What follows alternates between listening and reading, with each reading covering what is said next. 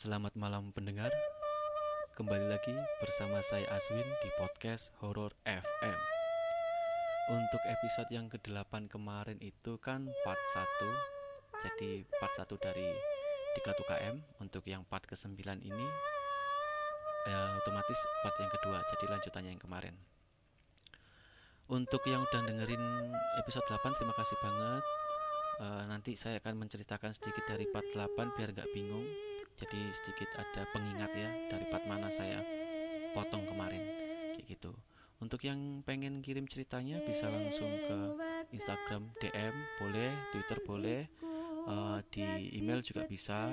Udah tertera di deskripsi semuanya untuk info-infonya. Langsung aja ke cerita Diklat UKM part 2 dan selamat mendengarkan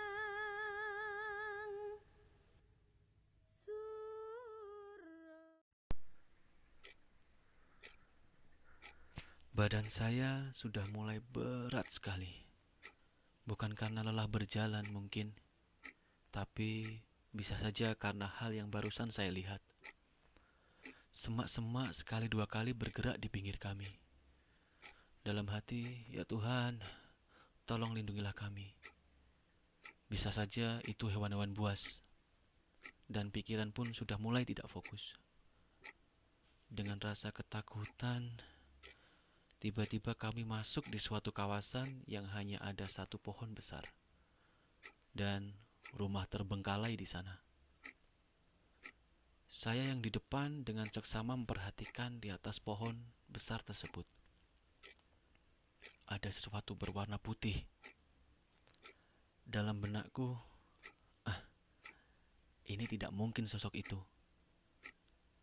Dan ternyata panah mengarah ke situ. Ternyata kami harus melewati jalan di bawah pohon besar tersebut. Saya mulai ragu untuk mendekat. Namun harus menyelesaikan JJM ini. Dan mau gak mau, terpaksa harus mendekat ke pohon itu. Posisinya rumah itu ada di kanan kami. Dan pohon besar sekali itu di sebelah kiri. Semakin mendekat, warna putih itu semakin jelas. Ya, saya tahu itu. Mungkin sebuah sosok yang gak ingin saya lihat. Saya berusaha tidak menggubris dan rasanya ingin lari saja. Namun, ketika saya takut, saya harus tenang. Keinginan untuk berlari pun tetap saya redam, biar teman-teman tidak panik. Semakin mendekat, semakin jelas. Tiba-tiba ada suara perempuan tertawa keras sekali dari arah rumah.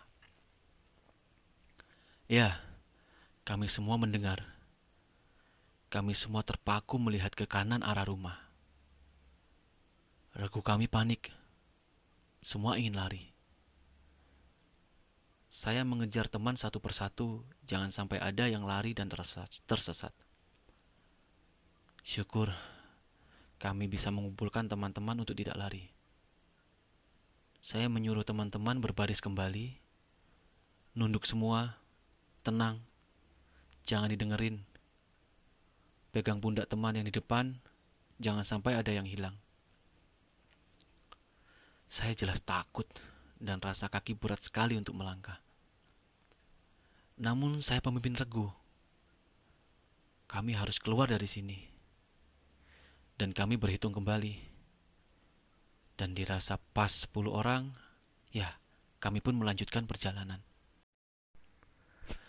Dan kini kami akan melewati pohon besar tersebut. Saya berdoa dalam hati berkata, Permisi, kami tidak ganggu. Namun, suara tertawa kembali terdengar di dalam rumah. Saya teriak kepada teman-teman, "Jangan panik!"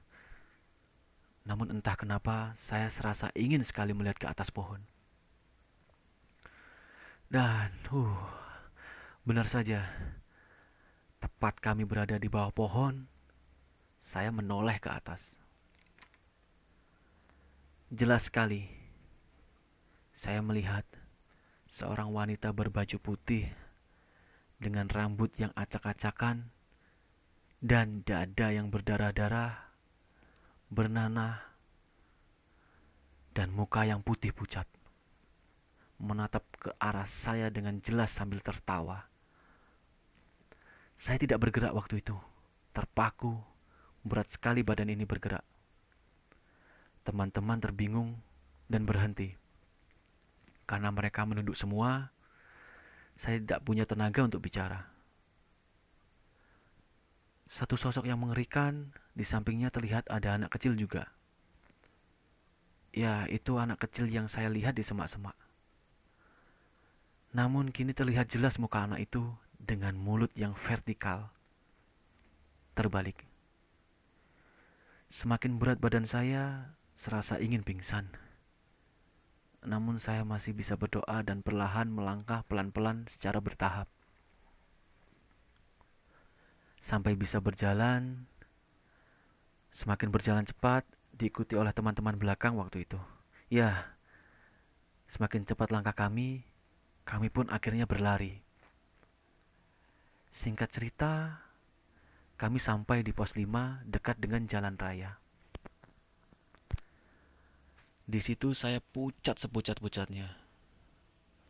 Karena sosok itu menampakkan diri di depan saya dengan jelas.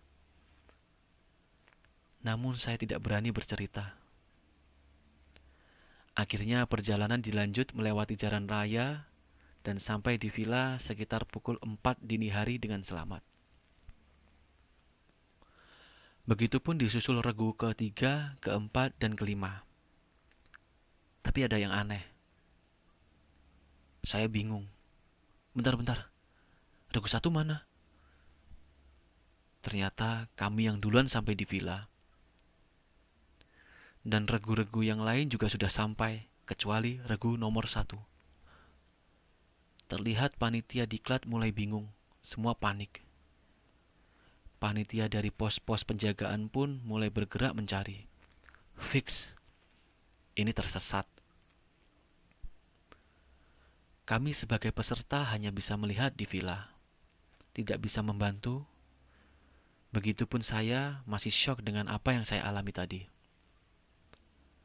Selang tiga jam, sekitar pukul 6 pagi, Regu satu berhasil ditemukan dan kembali ke villa.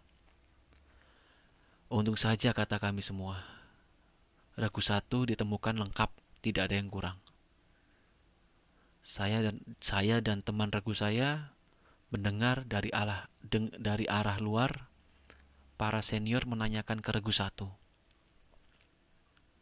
Mereka lewat mana sampai bisa tersesat? Dan tahu apa yang mereka katakan? Kami melewati sebuah muara dengan banyak sesajen, dan kami teriak. Ada yang nyaut bilang, Sini, sini. Lalu kami ikuti suara itu sampai ketemu rumah bagus dengan pohon besar di seberangnya. Di sana terang banget katanya. Lalu senior menanyakan lagi. Kalian tidak ikuti tanda? Regu satu jawab. Kami ikuti sampai ketemu rumah bagus, dan di seberangnya ada pohon. Di rumah itu ada acara. Kami melihat pertunjukan wayang. Ada seseorang wanita cantik berbaju adat bersama anak kecil menyuruh kami menonton sebentar hanya hanya sekitar beberapa menit. Kami berjalan kembali, tiba-tiba ditemukan kakak senior di pinggir jalan, gak jauh beberapa meter dari pos 5. Saya sontak kaget dan saling bertatapan dengan teman regu saya. Mungkin suara sinden yang kami dengar berasal dari situ. Dan rumah yang diceritakan bagus serta terang tadi adalah rumah terbengkalai yang kami lihat dan lewati. Dan kalian sudah bisa tebak siapa gadis cantik dengan pakaian adat sambil membawa anak kecil tersebut. Setelah itu bersambung. Oke, untuk episode yang ke-9 ini, part kedua, bersambung sampai sini. Nanti ada part ketiga untuk kelanjutannya. Terima kasih udah mengirim kelanjutannya ceritanya, eh kelanjutan ceritanya. Terima kasih untuk pendengar, sudah support, sudah setia mendengarkan. Tunggu episode yang part ketiga, jadi episode 10 ya. Episode 10 di Kelatu KM part 3. Saya sekali lagi ucapkan terima kasih. Jangan lupa follow Instagram, email, uh, Twitter juga bisa, silakan. Dan akhir kata saya sampaikan banyak terima kasih. Saya undur diri.